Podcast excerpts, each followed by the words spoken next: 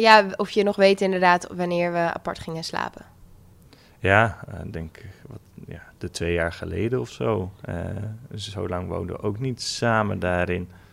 En nou ja, en dat dat zich uh, begon als een plek om te vluchten, waar je incidenteel landde. En dat ontwikkelde naar de plek waar je altijd sliep en incidenteel in bed ging proberen. En, ja, dat vond ik ook wel naar. Ja, en um, waarom vond je dat naar?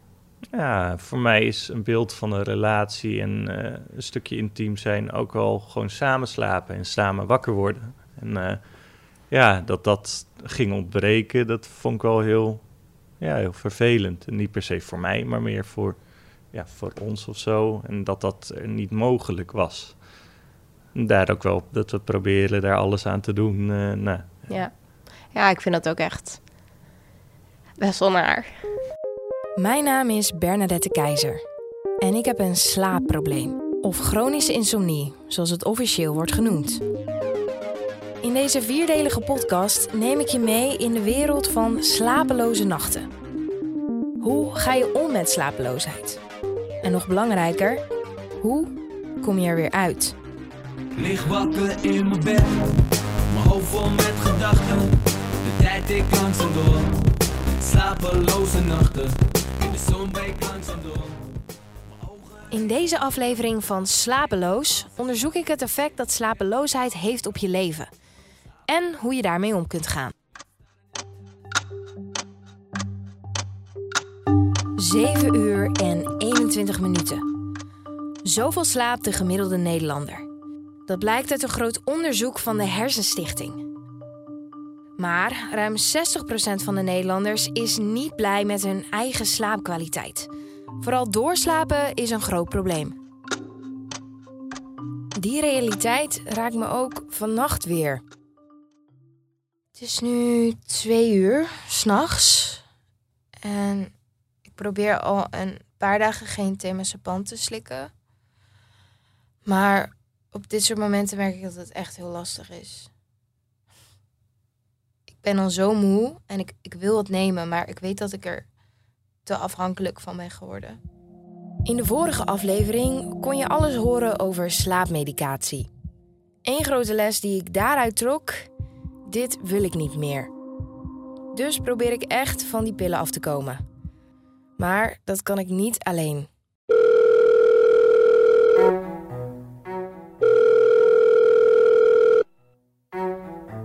Wil je professionele hulp? Wees dan voorbereid op een heel arsenaal aan telefoontjes, doorverwijzingen en wachttijden. Twee maanden wachttijd, maar ik slaap letterlijk twee uur per nacht. Dan moet ik nog 60 dagen wachten. Uiteindelijk kan ik terecht bij een slaaptherapeut in Utrecht. Maar de wachttijd is dus twee maanden.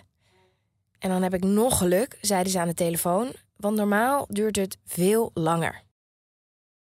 Hoe kan het dan dat die wachttijden zo lang zijn?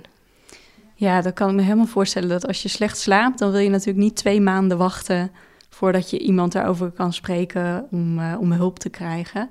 En jammer genoeg is dat iets wat je nu overal in de, in de GGZ en misschien ook wel in heel veel andere praktijken ziet. Rix Meinders is slaaptherapeut in Utrecht. Haar praktijk heeft een wachttijd van twee maanden en is daarmee geen uitzondering. Als het gewoon gaat over slaapproblemen, dan denk ik dat het meerdere redenen heeft. Aan de ene kant denk ik dat het uh, best wel lange tijd onderbelicht is gebleven. Dat er behandelingen zijn voor slaapproblemen die goed werken. Um, dat ja, wordt nu een beetje, ja, wordt steeds meer bekend, hè, dat er iets aan te doen is. Dus ja, hoe meer aandacht daarvoor komt, hoe meer mensen denk ik ook uh, de stap zetten om hulp te vragen. En er is niet een oneindige pool van uh, psychologen en andere hulpverleners die daarbij kan helpen. En wat daar misschien ook wel een rol speelt, is dat slaapproblemen zijn niet alleen uh, breed onderbelicht gezien uh, gebleven, van dat daar oplossingen voor zijn, maar ook in de opleidingen is daar vrij weinig aandacht aan besteed. Als ik kijk naar mijn eigen opleiding, dan was er niet apart aandacht voor slaapproblemen en de behandeling daarvan. Maar goed, nu ben ik wel eindelijk aan de beurt. Bij Rex leer ik opnieuw slapen. Het voelt eigenlijk een beetje gek. Ik krijg een werkboek mee met bakken informatie over slaap en opdrachten om zelf thuis te doen. Een van de eerste dingen die ze me leert: door te stressen over slaap houd ik mezelf juist wakker. Als het gaat over slapen, dan kan je ook uh, bang worden, bijvoorbeeld dat je niet goed kan slapen. Dus dan kan je allerlei uh, negatieve interpretaties hebben van een situatie rondom het slapen. Uh, bijvoorbeeld, ik, ik, lig nu wakker en dat betekent dat ik waarschijnlijk vannacht niet goed ga slapen. Het zal wel weer zo'n nacht worden. hoe moet dat morgen? Er komen dan allerlei negatieve interpretaties van dat moment voorbij die ook weer stress geven. En die stress maakt het vervolgens weer moeilijker om goed te kunnen slapen. Uh, dus dat is dan een voorbeeld waarin jouw gedachten eigenlijk bijdragen aan het probleem van slecht uh, kunnen slapen. Ik herken dat wel heel erg. Het begon met dat ik heel druk was op werk, dat ik slaapproblemen kreeg. Maar op een gegeven moment waren, was de werkdruk weg, maar mijn slaapprobleem was er nog. Sterker nog, de gedachte dat ik weer niet kon slapen gaf me nog meer stress. En op een gegeven moment kwam ik daar gewoon niet meer uit. Ja, dat is uh, heel herkenbaar. Daar hebben veel mensen last van die slaapproblemen krijgen. Het wordt echt een visueuze cirkel.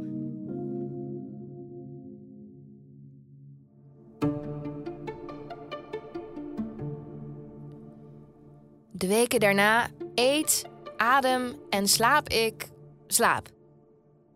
Ik lees alles wat ik kan vinden. Ik doe slaapyoga. To relax your shoulders, close the eyes. Meditatie, ademoefeningen. Voel jezelf bij elke ademhaling langzaam dieper wegzakken. Maar het lijkt geen effect te hebben. Radeloos ga ik weer terug naar Rikst. Ergens deed je eigenlijk wat er moet gebeuren helemaal volgens boekje. Maar het viel me ook wel op dat je heel veel uh, controle erover wilde hebben. En dat je eigenlijk het liefst je lichaam helemaal onder controle wilde hebben. En dat je er dus ook wel ja, wat druk op legde. En ik denk dat dat ook wel uh, onderdeel was van het probleem. Dat je, uh, ja, als je er heel veel druk op legt en je wil echt die, die controle hebben, dan werkt dat eigenlijk averechts. Er zijn ook wel onderzoeken gedaan dat er een, uh, een, prijs werd uitgereikt aan uh, mensen van, nou, wie het eerst in slaap valt, die ontvangt een prijs. En een andere groep participanten die kreeg niet zo'n belofte. En uh, nou, je kan het waarschijnlijk al raden, die mensen die geen prijs was beloofd, die vielen veel sneller in slaap dan die groep mensen die wel een prijs was beloofd. Gewoon omdat er geen druk was eigenlijk. Ja, ja, op het moment dat je er druk op gaat leggen op dat slapen, dan werkt het al minder goed. Omdat je dan eigenlijk ook alweer uh, je waaksysteem aanzet, omdat je alert wordt en wil presteren. En dat ja, onderdrukt dan weer het, of het slaapsysteem. Wat je zegt, dat, dat klopt wel helemaal. Um, ik, ik vind dat moeten, ik vind het nog steeds, vind ik heel erg moeilijk. Want ik wil slapen, ik, ik heb het nodig. Slapen is, is, een, is iets wat iedereen doet en het lukt mij niet. En dat voelt bijna een beetje als een soort falen. Dus ik, ik wil dan gewoon dat het lukt. Maar hoe laat je dan zoiets los? Ja, ja dat, is, dat is heel lastig. Uh, het is natuurlijk heel moeilijk om dat patroon te doorbreken, omdat het gewoon ook waar is. Ja, iedereen heeft ook slaap nodig. En uh, je wil ook gewoon slapen. En het is iets natuurlijks. Dus ik snap ook wel dat je denkt, ja, waarom lukt het mij dan niet? Maar op het moment dat je er heel veel aandacht aan geeft, dan wordt het vooral lastiger. En dat is ook heel vaak een uh, stukje paradox in de behandeling. Dat we heel erg bezig gaan met slaap. Terwijl ik eigenlijk wil dat mensen leren om meer te gaan vertrouwen op het lichaam. Dus wat soms helpt, is om beter te snappen hoe het lichaam werkt. Om te snappen dat je lichaam heel veel zelf kan reguleren eigenlijk. Uh, en ook veel kan opvangen als je bijvoorbeeld een keer slecht slaapt dat je lichaam ook wel weer um, ja, zichzelf kan herstellen. Um, dus dat, dat helpt sommige mensen al heel erg om beter te snappen hoe het werkt en te leren vertrouwen dat dat wel goed komt. Ja, vertrouwen dat het wel goed komt. In mijn eentje in slaap vallen lukt al moeilijk. Laat staan als er iemand naast je ligt. Mijn slapeloosheid heeft ook effect op mijn relatie. Het voelt kwetsbaar om dat te delen in deze podcast, maar toch vind ik dat juist belangrijk om te doen. Eh, het is gewoon heel uh, pijnlijk dat eh, iemand van wie ik hou, dat ik daar niet naast kan slapen. En ook dat ik die dan weg ga associëren met slecht slapen. Want dat ben ik op een gegeven moment ook gaan doen. Dat ik, als ik dan naast jou sliep, werd ik al onrustig. Want ik ging Ja. dan letten op, op eh, hoe je ligt, of je snurkt, of je weet ik veel wat. En op een gegeven moment dan lukt het wel als het goed ging om alleen te slapen. Maar vervolgens moet je dan ook weer leren om samen te slapen. Weet je, leren samen slapen, dat, dat klinkt zo stom in mijn hoofd. Van, het moet gewoon kunnen. Ik wil dat gewoon. Maar hoe graag je het ook wil, het lukt gewoon echt niet. Ik ben niet de enige die alleen slaapt. Uit een Brits onderzoek blijkt dat 1 op de 6 stellen apart slaapt. Dat is best een groot aantal. Waarom voelt het dan toch als een taboe? Alsof ik iets verkeerds doe. Nou, dat is een, een goede vraag. En eigenlijk wil ik hem ook aan jou stellen. Van wat maakt dat jij het zo erg vindt eh, dat je niet naast je vriend slaapt? Wat betekent dat dan voor jou? Via haar probeer ik erachter te komen wat voor effect slapeloosheid heeft op mijn relatie en hoe ik dat kan oplossen. Nou ja, voor mij heeft het toch wel iets van... je wil gewoon in slaap vallen en wakker worden naast de persoon van wie je houdt. Ja, zoals het hoort wil ik niet zeggen, maar ik heb vaak de associatie met apart slapen... dat er dan iets mis is met je relatie. En waar ben je dan bang voor als je niet naast je vriend gaat slapen?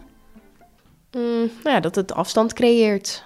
Dat eh, dat moment, die momenten in de slaapkamer, gewoon van wakker worden en naar bed gaan, dat dat wel een heel belangrijk onderdeel is. En op het moment dat dat wegvalt, dat je dan een bepaalde intimiteit gaat missen. En wat maakt dat, dat die, die intimiteit voor jou zo gebonden is aan eh, in hetzelfde bed slapen? Ik denk dat dat is wat ik gewend ben. Dat doen mijn ouders. Je hebt het idee dat een gelukkig stel samenslaapt. Dat is het voorbeeld wat je, wat je hebt gezien vooral? Ja, ik denk het. En er wordt ook niet echt over gepraat. En dan voel ik me ook raar dat ik de enige ben die, eh, die apart gaat slapen. Is het ook echt zo uitzonderlijk dat stellen apart slapen? Ik denk dat het wel meevalt. Maar ik spreek natuurlijk ook heel veel mensen met slaapproblemen die wel regelmatig ook eh, apart slapen, omdat dat het makkelijker maakt. Ik denk dat het ook wel een beetje beperkt is om te denken dat intimiteit alleen maar in de slaapkamer plaatsvindt. Ja, dus vooral iets wat ik dan eigenlijk, dat ik dat dan ook in mijn hoofd heb. Is het herkenbaar bij ook andere stellen die jij spreekt, of mensen met slaapproblemen die een beetje bijna schaamte om, om apart te slapen? Ja, eh, ik denk dat het wel wisselt. Eh, ik denk dat het soms ook wel binnen de relatie een beetje eh, lastig onderwerp kan zijn. Dat bijvoorbeeld één denkt dat het echt zo hoort en dat de ander denkt van ja, maar ik vind dit gewoon prettiger. Ik snap wel dat het iets lastigs is. Dat het een onderwerp is wat je in je relatie moet bespreken. Hoe gaan we daar dan mee om? Hoe kan ik dan toch dat idee, hè, dat het een taboe is, dat gevoel, hoe kan ik dat een beetje loslaten? Ja, ook dat kan je denk ik niet forceren. Je wil het graag eh, meteen goed doen. Van oké, dan weet ik dat nu, dus dan mag ik dat niet meer denken. En dan is het ook over. Maar ja, zo makkelijk gaat het vaak niet. Het helpt om er, ja, om er bewust van te zijn dat je die aannames doet. En ehm, ja, jezelf daar ook wat ruimte voor te geven. En te bedenken wat, ja, hoe het ook kan zijn. Of erover in gesprek te gaan. Eh, om dat ta- taboe eh, zoals jij het noemt, te doorbreken. En erachter te komen dat het misschien meevalt, eh, hoe groot dat taboe is. En op die manier ja, er een beetje daaraan wennen. eh, een beetje oefenen met hem af en toe dan tot last zijn. eh, dat patroon doorbreken. Wil jij wat drinken? Eh, kopje thee graag. Je drinkt geen koffie. Eh, jawel, zeker wel. Eh, maar vanochtend al van genoten, dus nu ga ik lekker aan, aan de thee.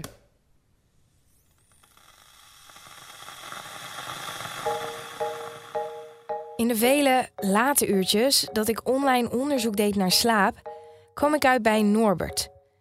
Hij kampte net als ik jaren met insomnie, maar heeft zichzelf aangeleerd om te slapen als een baby. Inmiddels helpt hij ook anderen met slaapproblemen. Het kwam uiteindelijk op een punt uit dat ik eh, voor mijn gevoel nog maar twee, drie uurtjes per nacht sliep. Omdat ik uiteindelijk daar al zo lang mee liep en het gevoel had dat ik dus door mijn psycholoog niet zo goed begrepen werd, mijn huisarts er niets van wist en bij dat slaapcentrum er direct met pillen gestrooid werd. Dus ik was een beetje mijn vertrouwen in de hulpverlening kwijt. Ik heb toen door tijd besloten van dan ga ik zelf eens op onderzoek uit. Hoe heb jij dan het tij gekeerd uiteindelijk? Wat voor mij goed heeft gewerkt, is het toepassen van een element van cognitieve gedragstherapie voor insomnie. En heel specifiek het element slaaprestrictie. Wat is slaaprestrictie? Bij slaaprestrictie ga je uit van het feit dat je over de dag heen slaapdruk opbouwt. Slaapdruk is een intern proces wat je aan het einde van de dag helpt om in slaap te vallen. En wat er vaak misgaat bij mensen die slecht slapen, is dat ze eigenlijk zo lang op bed liggen of zulke lang, langere periodes bezig zijn met slaap, dat de slaapdruk aan het einde van de dag niet hoog genoeg is. Eh, en dat het daardoor moeilijk is om in slaap te vallen. En dat daardoor ook een proces ontstaat van frustratie over het feit dat het met slapen niet lukt. Dus wat je met slaaprestrictie zegt is, we gaan de bedtijden sterk inkorten, zodat je eigenlijk langer buiten je bed of buiten je slaapkamer bent en meer tijd hebt om slaapdruk op te bouwen. Ook slaaptherapeut Rix raadt me aan om te experimenteren met vaste bedtijden. Oké, het is nu drie uur en ik fluister. Want ik wil mijn vriend niet wakker maken, maar ik moet dus om zeven uur opstaan. En dat geeft me zoveel stress dat dat overal vier uur is. Ik ga morgen zo moe zijn en dat geeft me al heel veel stress. En dat maakt me meer wakker. Ik weet echt niet hoe dit gaat helpen. Het is niet makkelijk, maar na ongeveer een week merk ik wel verschil. Nou, zo kan het dus ook. Ik heb vannacht zwaar goed geslapen, dus klaar om op pad te gaan. Dat is dus al een kleine winst. Maar wat kan ik nog meer doen? Wat ik tot nu toe in elk interview terug hoor komen van slaapexperts is een goede slaaphygiëne. Dat zijn eigenlijk goede gewoontes die je helpen met slapen. Denk bijvoorbeeld aan dezelfde tijd opstaan en naar bed gaan, de slaapkamer alleen gebruiken voor seks en slapen en wat voor mij heel goed blijkt te werken, een piekerkwartier.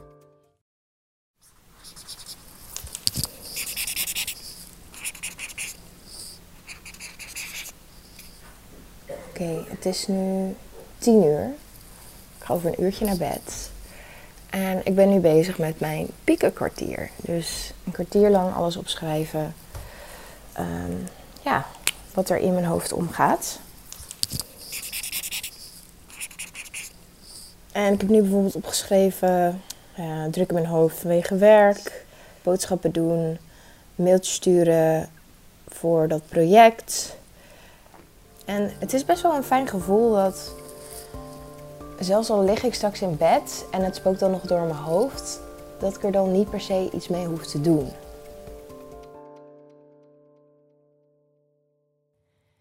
En dan denk je misschien, ja, toch heel logisch al deze dingen. Maar dat is het helemaal niet. Neem bijvoorbeeld Netflix, Instagram of nog even een appje of een mailtje sturen in bed. Volgens de Hersenstichting weet 73% van de Nederlanders dat kort voor bedtijd naar een beeldscherm staren ervoor zorgt dat je minder goed in slaap valt. Maar vervolgens kijkt maar liefst 94% toch naar een beeldscherm in het uur voor ze naar bed gaan. En zo lig ik, een dopamine-verslaafde twintiger, ook bijna elke avond overprikkeld en wakker in bed. En wat doe je dan? Als je nou vannacht wakker ligt, dan denk je waarschijnlijk aan de dag van morgen en wat voor effect dat gaat hebben op de dag van morgen. Dan is het goed om na te gaan denken over wat het absolute rampscenario is. Ehm, ik heb morgen een interview voor de, deze podcast ook. Dat het interview helemaal misgaat. Dat de podcast helemaal misgaat. Dat ik maanden werk voor niks heb gedaan. Dat ik nog steeds geen goede oplossing heb gevonden voor mijn slaap. Nou, als dat morgen gebeurt, is dat hartstikke vervelend. Daar zul je je morgenavond dan ook wel slecht over voelen. Maar nu is het interessant om daar eens een ander perspectief op te nemen. Stel nou dat het morgen daadwerkelijk helemaal misgaat met dat interview. Spoel nu eens 30 dagen vooruit, een maand vooruit. Als je er dan op terugkijkt, op dat interview wat helemaal misging, hoe zou het dan voelen? Ik denk gewoon eigenlijk als een soort eh, stomme, stomme blunder. Ehm, want ja, als het interview misgaat, dan is het heel zuur, maar dan moeten we hem opnieuw gaan doen. Als we een jaar vooruit spoelen, hoe zou je er dan op terugkijken? Een jaar. Ik weet niet of, of ik me dat zou herinneren eigenlijk.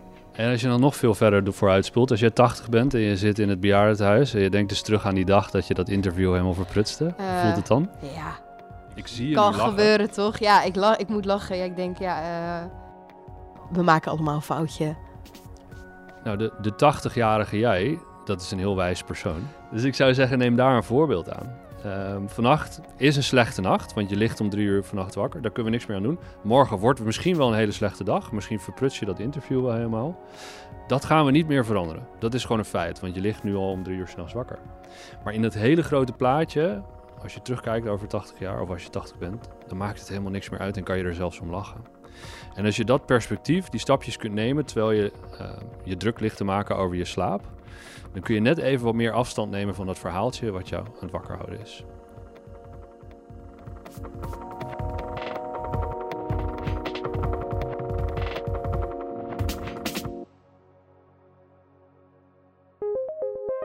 Je luisterde naar de derde aflevering van Slapeloos.